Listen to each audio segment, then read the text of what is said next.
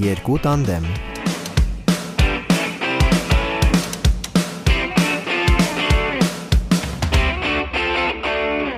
Ես մի տեսակ ինչ որ թունոտ տոքսիկ էներգիա եմ զգում ձախ կողմից։ Ես եմ այս կողմում նստած Ես նորմալ քեզ եմ։ նկատի չունեմ, սիրելիս։ Իմ իմ չափաբաժինը նորմալ Շատ սահմանում։ Միշտ եմ զգում, միշտ հաջորդը սովորել։ հաջորդը ես եմ։ Ես հենց քեզ նկատի ունեի։ Բայց ես անգամ քեզ չէի նայում, սիրելի Համլետ։ Սիլիկար դու հենց իբա նայում ես իմ աչքերի մեջ։ Այս ինչ կրկես է այստեղ, խնդրում եմ բացատրեք։ Սիրելի Անահիտ, գուցե հավելես ինչ որ վախենում եմ։ Ես լսում եմ ձեզ եւ վախենում եմ։ Ինչ այսօր լսում այն թունոտ 4 եկել- ընկերներին ովքեր պատմում են իրենց տոքսիկ ընկերների մասին։ Մեր հարաբերությունները տոքսիկ է։ Այո, հատկապես Կարլինը այսօր չեք նկատել։ Առավոտից ոչ մի նամակի չի պատասխանում։ Համլետ ես Դա առավոտից նկատել չէր, դա Երևանից էր։ Շատ ավելի վատ, սիրելի Կարլ։ Ես ուզում եմ մի բան հասկանալ։ Ինչպես ենք հաջողացրել մենք 4-ս չունենալ հարաբերություններ, սակայն լինել տոքսիկ հարաբերությունների մեջ։ Այո։ Հիմա նկատի ունես իրար հետ, Դե չհասկացա։ այո, մենք չունենք առանձին հարաբերություններ, ստիպված իրար հետ ենք տոքսիկ Ագրես հարաբերությունների եկոջան, մեջ։ մենք Սիրելի Համլետ, դու չունես հարաբերություններ։ եւ հերիք է սուտ Համարյա տարածես։ այդ մտքի հետ։ Ահա որ է ազգամ է։ Իհ- իհարկե Խոստանում եմ մի օր դու էլ կլինես տոքսիկ հարաբերությունների մեջ, անպայման։ Ես վստահ եմ որ դու շատ ես եղել տոքսիկ Ես դա հարաբերություններում ուզում ասել, վեգան ակնարկում էր, որ ես այդ հարաբերություններից մեկը չեմ կարողանում բաց թողել։ Դրա համար է տոքսիկ այդ հարաբերությունը ուզում եմ հասկանալ։ Տոքսիկ, թունավոր, նույն ինքը Թունոտ, ինչպես բազմիցս չէ, Համլետը։ թունոտ չէ, այլ կերպ էին ասում տոքսիկը։ Ոնց է թունավոր։ ասում թունավոր։ Թունավոր հարաբերություններ։ Լավ։ Ով է սահմանում հարաբերությունների տոքսիկ, թունոտ լինել չլինելը։ Ինչպես հասկանալ, որ դու գտնվում ես թունավոր հարաբերությունների մեջ։ Դու որպես թունոտ թագուհի խնդրում եմ մեզ համար սահմանիչ Թունետագույն Թունե թագուհի։ Քեզ բան։ Ես հույս ունեի դուք կասեք։ Ճիշտ ասած չեմ մտածել, բայց եթե փորձեմ հենց տեղում պատկերացում կազմել այս թեմայի մասին, ապա կասեմ, որ իմ կարծիքով հարաբերությունները տոքսիկ են դառնում այն ժամանակ, երբ այլևս չեն երջանկացնում այդ հարաբերություններում գտնվող անձանց եւ ինչ-ինչ պատճառներով զգվում են, շարունակվում են կամ երբ այդ հարաբերություններում կան երևույթներ, որոնք առողջ հարաբերություններում չեն տեղավորվում, կա մանիպուլյացիա, կա սուտ, կա միմյանցից անառողջ կախվածություն։ Կարծում եմ իմ տեսանկյունից սրանք այն դեպքերն են, երբ կարելի է հարաբերությունը համարել տոքսիկ։ Կամ այն հարաբերությունները, որում դու որպես մասնակից քեզ զգում ես քեզ զգում ես լարված ու քո զուգընկերը քեզ անընդհատ լարվածության մեջ է պահում։ Այո։ Ի վերջո, եթե այդ հարաբերությունները քեզ լարում են, այո, հարաբերությունները նրա համար են, որ մեզ երջանկացնեն։ Բայց շատ հաճախ նաև թունոտ հարաբերություններ են համարում այն հարաբերությունները, որոնք անընդհատ վերսկսվում են այն իմացությամբ, որ միևնույն է ավարտվելու են։ Այսինքն կախվածություն, էլի, ինչ որ։ Սովորաբար սա արդարացում է նրանով, որ կասեր եւ մարդիկ առանց իրար ապրել չեն կարողանում։ Այո, օրինակ ես ու Կարլը շատ ենք իրար սիրում, բայց անընդհատ վերադառնում ենք մեր ընկերությանը, լավ իմանալով, որ վաղը այն միևնույն է ավարտվելու է։ Հենց վաղը նկատի ունեք միշտ վաղը ավարտվում է եւ մենք Թե վերադառնում ենք։ ոդքասթից էլի։ հետո, քանի որ Կարլը չի գալու մեզ հետ զրուցելու քո տոքսիկ արդեն ավարտված հարաբերությունների մասին։ Ա, Վերջինի մասին, այո, թերևս։ Այն ը, 50-ի մասին լսել եմ, այդ մեկը թող բաց թողեմ։ Շատ լավ։ Իսկ հիմա 51 շաբաթ ես ունեմ հարց։ Խնդրում եմ լավ։ կարծում եմ Կարլը քո անվան շուրջ տարածում է կնամոլի համբավ։ Ուզեցի տեղյակ պահեմ, եթե հանկարծ չես նկատել։ իսկ կարող եմ ես ձեզ տալ հարց։ Իհարկե։ Միգուցե։ Դուք ունեցել եք տոքսիկ հարաբերություններ։ Համլետ Միշտ։ դու ունեցել ես։ դա ինչ հարց է աստված։ Իսկ Ինչու էր ինձ նայում։ կներես։ Ախր ես քեզ միշտ նայում եմ, դու ասացիր, չէ՞։ Մի քանի լավ, վարկեն առաջ։ Շատ լավ։ Իսկ դու սիրելի Կարլ, դու ունեցել ես տոքսիկ հարաբերություններ։ Գուցե դու սկսես պատմել։ Ամենակիչը դու ես խոսում Իսկ մեր ինչ ը, ոդքասթում։ պատմեմ, ասեք Չէ, պատմեմ։ մի Քո վարքան, ինչու են հարաբերությունների մասին։ ինչու են այդ հարաբերությունները թունոտ քեզ համար։ Սարաբար հարաբերություններում անznավորություններից մեկը կատակներ է անում մյուս անznավորության վերաբերյալ։ Կամ այդ մարդը դու ես, կամ նա է։ Սովորաբար այո, եւ կատակները հասնում են այն մակարդակին, որ դառնում են թունոտ։ Այսինքն դու բուլինգի զոհ ես եղել քո անձնական հարաբերություններում։ Վայ քորանամ ես։ Բուլինգը իհարկե լավ թեմա է, որի մասին մենք անպայման կխոսենք մի Այստեղ օր։ բուլինգ չի կարելի ասել բուլինգ, դա պարզապես թունոտ հարաբերություններ էր։ Այսինքն ուզում ես ասած, որ դու ցունոտ հարաբերությունների մեջ ես քո բոլոր դասընկերների հետ։ եւ այդ թվում էր ինչևէ ա, սիրելի Կարլ ուզում եմ հասկանալ այդ հարաբերությունները դու համարում ես թունոտ որովհետեւ ա, կար ինչ որ անառողջ մրցակցություն եւ կայացման խնդիր այդ դեպքում ինչու էին արվում կատակներ իրար մասին իրար մասին չէ։ բա Քո մասին նրանումն է։ քո մասին Այո, բայց միայն դա չէր խնդիրը։ այսինքն քեզ նսեմացնելու մոտիվ կար հարաբերության մեջ Սեմացում չէր, Դե լավ իրեր անվանենք իրենց անուններով Շատ լավ, դե ոնց ուզում ես անվանիր։ Կարծում եմ այստեղ Այսինքն- խնդիր է եղել իրականում խոսեց հոգեբանանը հիտ էլի ենթադրում եմ դե որովհետև սովորաբար այդ տեսակ հարաբերություններում միշտ մեկը տուժում է որովհետև մյուսը փորձում է իր տեղն ամրացնել այսպես այս աշխարհում Եվ կար եւս մի քանի բաղադրիչ, օրինակ, երբ մեկը մյուսին գրում է, իսկ մյուսը տեսնելով նամակը կարող է ինչ որ ժամանակ չպատասխանել եւ պատասխանել այն ժամանակ, երբ որ ուզում է։ ում է հիշեցնում քեզ սիրելի կան ում է հիշեցնում սա Մի վարքյան։ դու գրել ես նա չի պատասխանել Այո։ եւ որոշել ես վրեժ լուծել քո ամենամտերիմ ընկերներից կյանքից Ումից չհասկացա։ Չհասկացա։ նախորդ ը, էպիզոդում Կարլը հայտարարել է որ չունի ընկերներ Ա, շատ լավ մոռացել էի սիրելի Կարլ այդ հարաբերություններում թունոտությունը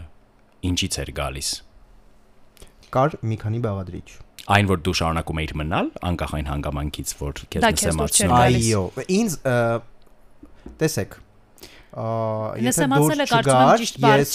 Ինչու՞, շփվի այլևս։ Ահա քեզ դուր էր գալիս? Ինձ ինչ որ չափ դուր էր գալիս իր հետ շփումը։ այո Բայց կարծում եմ հենց տոքսիկությունը դա էր դարձնում տոքսիկություն, որ ես շփվում էի նրա հետ, այո նա այդ այդ ձև էր շփվում իմ հետ, բայց ես շարունակում էի շփվել նրա հետ։ Այո։ Ես վերջերս մի միտք եմ կարդացել, որ նման հարաբերություններում մենք կարճում ենք ոչ թե նրանից ինչ կա, այլ նրանից, թե ըստ մեր ակնկալիքների ու պատկերացումների ինչ կարող է լինել։ Վեգա առհասարակ հարաբերություններ կառուցելիս ամեն մեկն ունենում է իր ակնկալիքը, իր պատկերացումները եւ իրականում մենք ոչ թե նաեւ հարաբերություններից հետո օրինակ կարոտում ենք կոնկրետ մարդուն,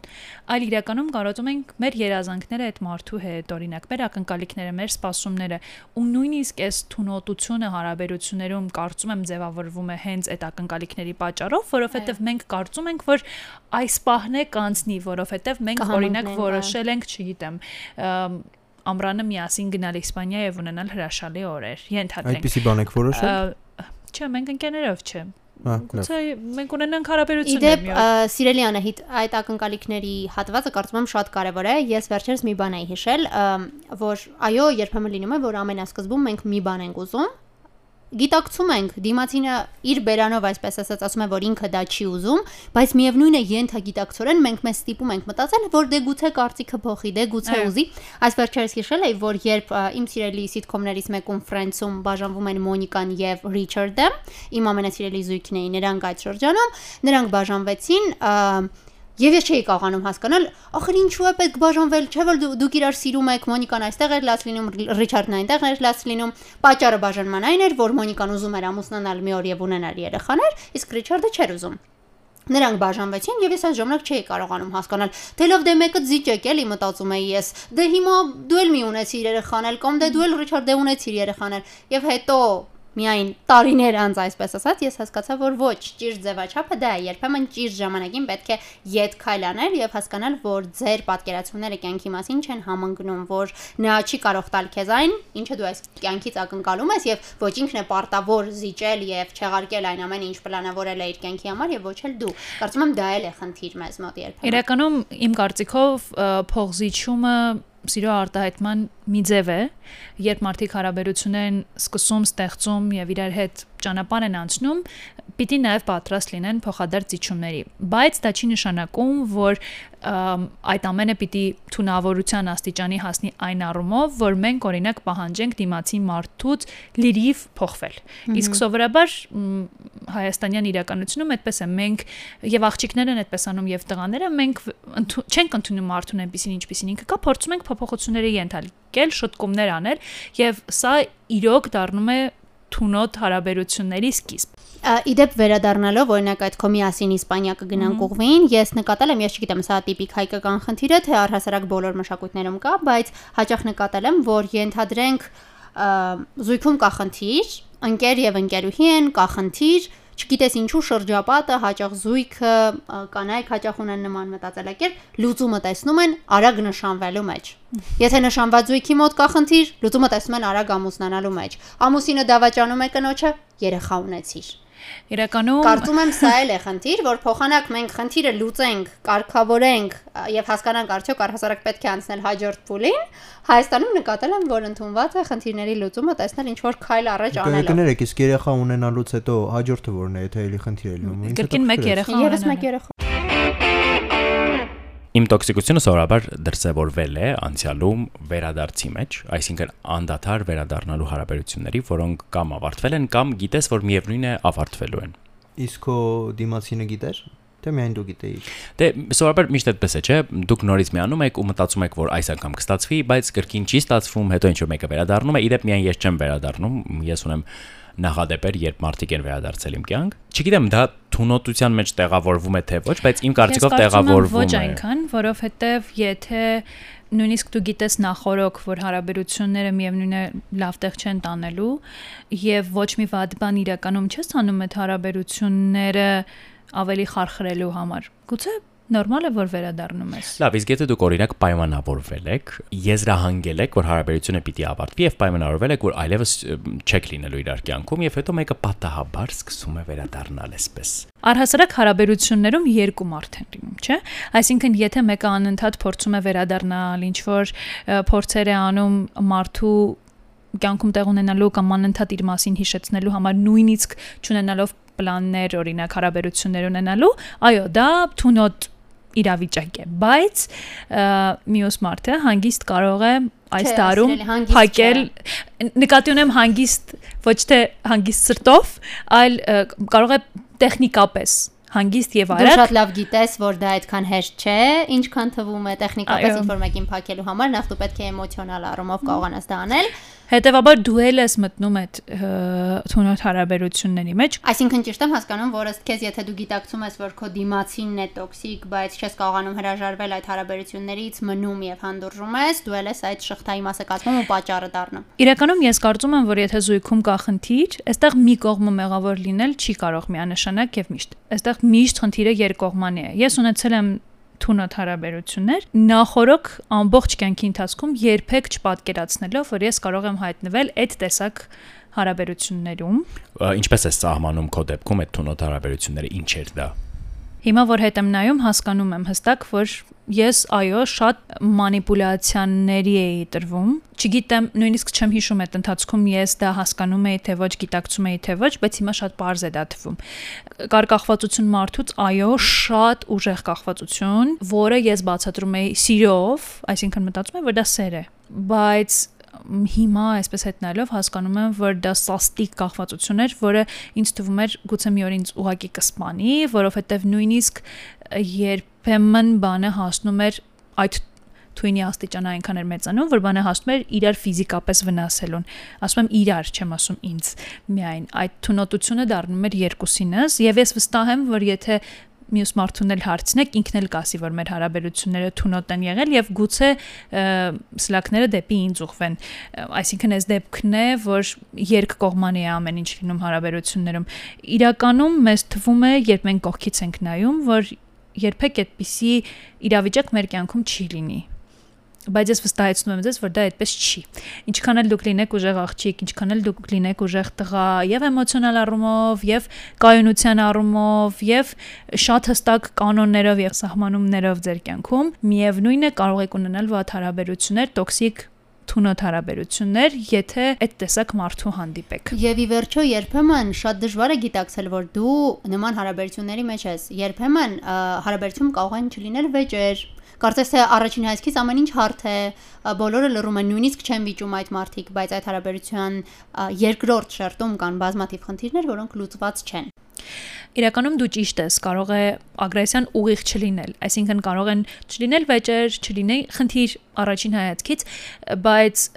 թունոտ են նաև այն հարաբերությունները, երբ ձեր զուգընկերը ձեզ կոմպլեքսավորում է եւ դա չի անում ուղիղ, այսինքն դուք իրականում հասկանում եք հետո, որ դուք ունեք մի փունջ կոմպլեքսներ, որոնք արհեստականորեն են ձևավորվել։ Երբեք թույլ մի տվեք այդ մանիպուլյացիան էլ ձեզ խեղդի եւ միանգամից փորձեք այդտեղ ազդակ տեսնել թունոտ հարաբերությունների եւ փորձեք հեռանալ։ Իսկ հնարավոր է արդյոք այդ հարաբերությունը փրկել, ոչ թե հեռանալ, այսինքն այնպես անել, որ տոքսիկ հարաբերությունը, թունոտ հարաբերությունը դադարի լինել թունոտ։ լուծել խնդիրը, այսպես ասած, ու վերադառնալ առողջ հարաբերությունների։ Կարլ ասած կարծում եմ ոչ։ Ինչու սիրելի Կարլ։ Ենթադրենք երկու հոգի իրար շատ սիրում են, երկուսն էլ սիրում են միմյանց, միասին հարաբերությունների մեջ են շատ մեծ սեր է, բայց հարաբերությունները ինչ որ պատճառով ինչ որ կետից դարել են տոքսիկ։ Դե ես իմ հարաբերությունների օրինակով եմ ասում, Դու փորձել ես աշխատել։ չէ ինչպես օրինակ է, եթե մարդը այդպեսին է, Չէ, բայց ասել որ օրինակ դա ինձ նսեմացնում է մի ասա։ Մի արա նման կատակներ։ Իհարկե չեմ ասել, բայց Իհարկե չեմ ասել, արդեն վատ է, որովհետև դու չես խոսել քո անձնավորության հետ այն խնդրի մասին, որը դու ունեցել ես։ Գուցե հենց այդ տեսակ հարմարավետություն նույնիսկ չես ունեցել քո հարաբերություններում իր հետ խոսելու։ Ես ոչ մեկ էլ չեմ խոսում։ Սիրում եմ քեզ։ Անայտը շատ կարևոր բան ասաց հարմարավետության մասին, իրականում թունոտ հարաբերության սահմանումներից մեկը նաև այն է, որ այդ հարաբերության մեջ մենք չենք զգում, որ մեր կարիքները լսված են եւ տեսանելի են ը, անձնավորության համար։ Այո, եւ իրականում ես էլ եմ կարծում, որ չի կարելի փրկել թունոտ հարաբերությունները, որովհետեւ ես փորձել եմ փրկել։ Կարլը չի փորձել, չի խոսել, չի բարձրաձայնել խնդիրը։ Ուրեմն լավ եմ արել, որ չեմ փորձել։ Գուցե կարծում եմ կախված է նրանից թե որ փուլում ես փորձում փրկել։ Որքանով է գիտակցված այդ թունոտությունը, որովհետև երբեմն եկեք խոստովանենք կան ոչ այնքան լավ մարդիկ։ Որքան էլ մենք փորձում ենք խուսափել այդ երևույթից, կան մարդիկ, որոնք շրջակա միջավայրի մասին, շրջակ իրենց շրջապատող մարդկանց մասին այնքան էլ չեն մտածում եւ երբեմն օրինակ այդ մանիպուլյացիաները, դիմացի մարդու ինքնական գնահատականը գցելու հաշվին սեփական եսը բարձրացնելը լինում է շատ գիտակցված, միանգամայն գիտակից որոշում։ Նման դեպքերում այո, դժվար է փոխել մարդուն, որովհետև նա շատ լավ հասկանում է է ինչ չի, է անում։ Այո։ Բայց որոշ դեպքերում դա ինչ որ էմոցիաների հողի վրա զգում ես որ հարաբերությունները դեպի տոքսիկ են գնում եւ կարծում եմ որ եթե վաղ փուլում զույգը գիտակցի եւ ամենակարևորը ինքն իրեն խոստովանի որ հարաբերությունները անցնում են տոքսիկի սահմանը գուցե այդ ժամանակ հնարավոր լինի հարաբերությունները փրկել Եվ ամենակարևորը այդտեղ նաև այն է, որ մեղադրական տոնայնությունը հարաբերության մեջ անցնի բացվածության ու երկու կողմն էլ պատրաստ լինեն ներդրում անելու այդ թունոտությունից հրաշարվելու հարցում։ Մեր դեպքում այդպես է եղել եւ իրականում մենք նույնիսկ գրել էինք ցանկ Թունոտ բաների Թունոտ բաների, որոնք օրինակ ինձ նեղացնում են կամ իմ կյանքի որակի վրա ազդում են եւ Իսկ հակառակը ո՞ն ցանկներ ավելի երկար։ բնականաբար իմ Քո, այսինքն ի դու գրել ես իր մասին, այո։ շատ լավ։ Եվ իր ցանկում կարծում եմ մի կետ կար, դա խանդներ, ես խանդոտ մարդ եմ։ Իրականում ես չգիտեմ որքանով էին այդ գործողությունները մինչ այդ եղած գիտակցված կամ ոչ, ինչպես վեգան է ասում, բայց մենք սկսեցինք աշխատել հենց այդ ցուցակի կետերի վրա հերթով եւ ես զգում էի փոփոխություններ մեծ հաշվով։ Այո, կային փոփոխություններ։ Բայց գիտեք, երբ մի բան կոտրվում է, իրականում երբեք հետո հարաբերությունները ամբողջովին վերականգնել չի ստացվում։ Եվ եթե մարդը անընդհատ մտածում է, դու ել ես վախ ունենում զուգընկերդ էլ, որ մի օր, որ այս ամենը ժամանակավոր է, ձևական է, գուցե մի օր էլի մեր այսպես ասած եսը կգա առաջ եւ նույն բաները կկրկնվեն, գուցե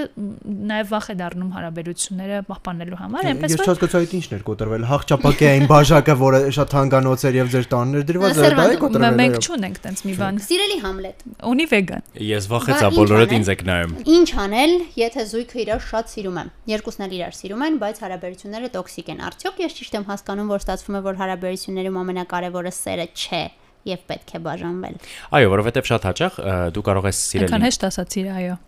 Շատ հեշտ ասած։ Շատ փիլիսոփայական հարց էր վեգայի մոտ։ Բայց ես փիլիսոփայական պատասխան եմ ուզում տալ։ Շատ լավ։ Պատասխան։ Ասում եմ, որ իհարկե այո, որովհետև երբեմն դու կարող ես պարզապես սիրել ինչ-որ մեկին, որը քոնը չէ։ Հասկանում ես, թունոտ հարաբերությունների աղբյուրներից մեկը նաև այն է, որ մենք շատ հաճախ փորձում ենք այն մարդու հետ, ով մերը չէ, կառուցել մի բան, որը պիտի գուցե կառուցեինք, կառուցելիս լինեինք կամ կկառուցենք մի օր մարդու հետ, ով մերն է իսկապես։ Դերև ինչպես բաց թողնել նման հարաբերություն։ Եվ- Դա շատ հեշտ ենք է խոսում։ Եվ մենք կարող ենք է սիրել մարդկանց, որոնք մերը չեն։ Դա չի բացառում։ Այո, եւ ի վերջո մենք ճանապարհին ենք հասկանում, որ այս մարդու հետ մենք նույն կետին չենք նայում կամ մեր հայացքները շատ են տարբեր։ Վեգան շատ վատ ձևակերպում արեց, շատ խճճող Չէ, ասաց։ շատ Հապա։ ճիշտ։ Ասաց, չէ, արդյոք հարաբերություններում կարևորը սերը չի, որովհետև ես առհասարակ խոսում եմ այն մասին միշտ իմ կյանքում, որ կյանքում ամենակարևոր բանը սերն է։ է, ես էլ եմ միշտ այդպես կարծել։ Այո, եւ կարևոր չի դա հարաբերությունների մասին է, աշխատանքի մասին է, ընկերների մասին է, թե քեզ սիրելու մասին է։ Կարևորը սերն է։ Բայց այստեղ, այս տոքսիկ հարաբերություններում դու պիտի ընտրես քո երկու սերերի մեջ։ Դու ավելի շատ սիրում ես քեզ, թե դիմացինիդ։ Այստեղ ընտրությունը պիտի լինի միանշանակ։ Մենք միշտ պիտի ընտրենք մեզ։ ինչպես դուրս գալ այդ հարաբերություններից։ Այսպես տեսականորեն, այո, մենք հեշտ ենք ասում պիտի ընտրես մեզ, պիտի ընտրես քեզ, բայց բոլորս էլ բացի Կարլից։ Այս սեղանի շուրջ գտնվող բոլորս էլ շատ լավ գիտակցում ենք, որ կա սիրո մի դրսևորում, մի ձևաչափ, որից շատ-շատ դժվար է հրաժարվելը։ Մի բան ասեմ, մենք անընդհատ խոսում ենք ու այս ընթացքում ես մի պահ բարձրացա դիեզերք եւ իջա այնտեղից։ Ը, Ուղղակի այսօր դեռևս չենք նշել նրա գեր ը, Չկարադարձել, այո, ես գերեության մասին, Ես կդառնամ էզոթերիկ տոքսիկ։ էության Ես կդառնամ տոքսիկ։ Համլետ Արաքելյան բանասիրական գիտությունների Շնորհակալ։ արտահայտությունը միշտ օգնում է սիրելիներ։ Շնորհակալ եմ, շնորհակալ եմ։ Ուզում եմ ասել, որ այս ընթացքում մտածում եի, որ ինչու է իրականում թունոտությունը մեզ հետ պատահում կամ մարդկանց հետ պատահում, որովհետև առնվազն, եթե խոսում ենք զույգային հարաբերությունների մասին, զույգից ինչ որ մեկը ինքնին ամբողջական չէ։ Հասկանում եք։ Եթե Ինքնաբավ չէ նկատի ունես։ կարող ենք այդպես ասել, այսինքն որպես անձ, որպես անձնավորություն, ինքը ամբողջականացած չէ ու ինչ որ մասեր իրենից փորձում է ստանալ, փնտրել, ձևել դիմացինի մեջ։ Մարդը չի կարող ռեալիզացված լինել, ինքնաբավ լինել բոլոր ոլորտներում եւ բոլոր ժամանակներում։ Պահեր են գալիս, որ այո, դու որոշակի պահերի թերանում ես, քեզ թույլ ես զգում եւ ամբողջական չես զգում եւ ինքնաբավ չես զգում։ Գիտես, մի է։ մեջ դա զգալը կամ դու որպես անձնավորություն, հայ, քո ամբողջական լինելիությունը, դրանք շատ տարբեր բաներ են, որովհետև իրականում թունոտությունը հարաբերությունում ծնվում է հենց այդ կառավարումից, պահանջներից, նսեմացնելուց եւ այլն, որոնք, այսինքն այն ինչ որ մենք քննարկում էինք, ըհը, այն ինչ որ մենք այսօր քննարկում էինք, սիրելի մարդիկ, այդ ամենը իրականում խոսում է անձերի որպես առանձին անձեր ոչ ամբողջական լինելու մասին որովհետև իրականում եթե երկու ամբողջական անձ ձևավորեն զույգ եւ հարաբերություններ եւ ստեղծեն։ հարաբերություն ես կարծում եմ որ խնդիրներ չի լինի ու հիմա մտածում եմ մեր ընկերախմբում ինչու կան խնդիրներ Մեր մասնավորապես ը, ընկերախմբում չկան խնդիրներ։ Ես ունեմ հարց։ Իսկ միգուցե մեր ընկերախմբում խնդիրները ստեղծում եք դուք։ Համլետ։ Պարոն Արաքելյան։ Հի- հի- հիմա ինչ ուզում եք ասել որ Ինտրիգանտ։ ես դարձա վատ մարդ հա պատտում եք սլակները իմ ուղղությամբ Այո, դու ես այս կրկեսի նախորդ նախորդ էպիզոդներից մեկում ա, կառներ ա, զոհը այսօր պետք է քո վերաշրջվենք Օրինակ ես հիմա կողքից տեսնում եմ, որ իմ ընկերներից երկուսը գտնվում են տոքսիկ հարաբերությունների մեջ։ Ինչ անել։ Ինչ անել։ Լավ, իսկ եթե ավելի լուրջ ձևակերպեմ հարցից, ինչ անել, երբ դու տեսնում ես, որ քո մտերիմ մարդն է գտնվում տոքսիկ հարաբերությունների մեջ, այդ մարդը հալվում, մաշվում է, աչքիդ առաջ վեր չանում է, բայց դրանք քո հարաբերությունները չեն, բայց մյուս կողմից էլ մտերիմ մարդ է, որի հոգեբանության վրա այդ հարաբերությունները շատ լուրջ ու վատ ազդեցություն են թողնում։ Ինչ կարելի անել կամ արդյոք ինչ որ բան պետք է անել նման դեպքում։ Պետք է ասել, որ գիտես, բաժանվիր, թե ոչ։ Ես սովորաբար իմ ընկերների, իմ ընկերախմբերում են մարդն են, որը միշտ խոսում է այդ մասին շատ ուղիղ։ Ես չգիտեմ դա ճիշտ է թե ոչ, օրինակ մայրս միշտ դեմ է դրան։ Ես երբ տեսնում եմ խնդիր կա, ես միշտ ասում եմ, որ կա խնդիր, որ այս մարդը քեզ օրինակ շահագործում է, կոմպլեքսավորում է, նա քեզ թևեր չի տալիս, չի երջանկացնում ես հարաբերությունը քեզ եւ այլն եւ այլն։ Իհարկե գուցե մի օր նաեւ ասում եմ, որ բաժանվիր ավելի լավ կլինի, բայց այդ ը, խորհուրդը կարծես լինում է ամենավերջում, այսինքն շատ պիտի հասնի քրիտիկական վիճակի, որ ես ասեմ նաև որոշումը, թե ինչ կարելի է անել, բայց ընթացքում ես միշտ փորձում եմ օգնել, հուշել, օրինակներ ցույց տալ, որովհետև իսկապես այդ պահին թունոտ հարաբերություններում գտնվող մարդու համար թվում է թե այդ արտաքին աշխարհը այլևս չկա, որովհետև դու պարփակված ես քո այդ բաբլում, ինչպես ենք դա հայերեն ասում։ Ամպիկում։ ամպիկում եւ դու չես էլ հասկանում, որ դրանից դուրս կա կյանք, դու կարող ես ապրել։ Ինձ թվում էր, որ ես կմեռնեմ parzapes առանց այս հարաբերությունը, բայց ինչ որ ես տեսնում եք, շատ ավելի լավն է իմ կյանքի որակը։ Այնպես որ ես ընտրում եմ իմ ընկերներին ասելու տարբերակը, բայց իմ օրինակով նաև գիտեմ, որ ես էլ իմ ընկերներում էլ կան մարդիկ, որոնք ինձ շատ չոր էին ասում, շատ ջղային, սպառնալու աստիճան, որովհետև տեսնում էին, որ ես արդեն շատ վատ վիճակում եմ, բայց ես ոչ ոքի չէի լսում։ Եվ չէի լսում գիտակցաբար ընկերներ։ Ես հասկանում էի, որ ամեն ինչ վատ է, ես տեսնում էի, որ կան խնդիրներ, Բայց ուշ չունեիր հարաբերությունները թողնելու։ Ինձ Ոչ։ թվում էր կմեռնեմ առանց այդ հարաբերությունների։ Լուրջ եմ ասում։ Նաև կրկին մի քիչ ավելի փիլիսոփայորեն մոտենալով մտածում եմ, որ դա որովհետև դա քո ճանապարհն էր, որովհետև այդ ճանապարհը դու պիտի անցնեիր։ Այո, հիմա երբ հետ եմ նայում, հասկանում եմ, որ մեծագույն դաս եմ ստացել այս հարաբերությունների շնորհիվ եւ սա ինձ պարզապես ահավոր օգնել է կյանքի հետագայի համար։ Ես վերջերս փոխել եմ իմ մոտեցումը ընկերական հարցերում հատկապես այդ խորհուրդ տալու կամ ինչ անելու ուղղությամբ ես կարծում եմ որ դու որպես ընկեր պիտի անես քո մաքսիմալը ինչ որ քեզ այնց պահանջվում է այդ իրավիճակում եւ հասկանաս որ ամեն դեպքում դա քո կյանքը չէ եւ քո ազդեցությունը այդ կյանքի վրա որքան է դա լինի թունոտ, ցավոտ եւ այլն Պարզապես որպես ընկեր է, իսկ որպես ընկեր այդ իրադրության մեջ դու հասկանում ես որն է մաքսիմումը. միշտ լսելը երբեմն խորհուրդներ տալը փորձել ինչ որ ուշումներ անելը բայց պատասխանատվությունը ամբողջությամբ քո վրա վերցնել Բնականաբար։ պարզապես անհնար է Լավ, ոնց դուրս գալի վերջո նման հարաբերություններից։ Ախր դժվար է։ Համլետ։ ինձ թվում է երբ գիտակցել ես որ հարաբերությունները թունոտ են ու արել ես ամեն ինչ որ բրկես հարաբերությունը ու չի ստացվել արդեն այդ պատասխանը մի տեսակ հեշտ է գալիս ինձ թվում է ավելի դժվար է Հեշտ չի գալիս այդ պատասխանը։ հա ինձ մոտ հեշտ է երեխեք Որովհետև դու ես տոքսիկը։ Ամեն դեպքում հասկանում ենք, որ տղամարդ եւ կին զգացմունքային առումով լրիվ տարբերություններ ունենք եւ